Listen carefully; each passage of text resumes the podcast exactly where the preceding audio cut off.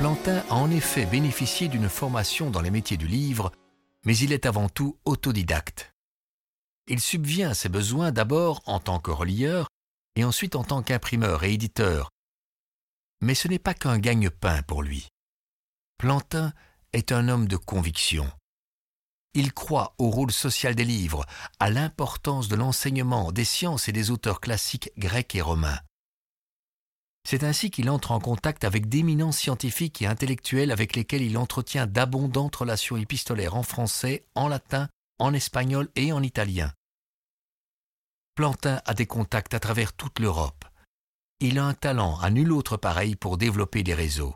Si Plantin est un homme croyant, comme tout le monde à son époque, il tente cependant de garder les pieds sur terre et de rester constant et serein.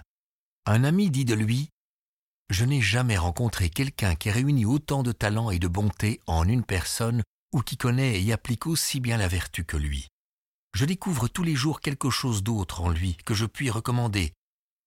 Mais je suis surtout touché par sa grande modestie et sa patience à l'égard de ses collègues imprimeurs. Il l'envie mais il continue à les traiter correctement, bien qu'il puisse considérablement leur nuire.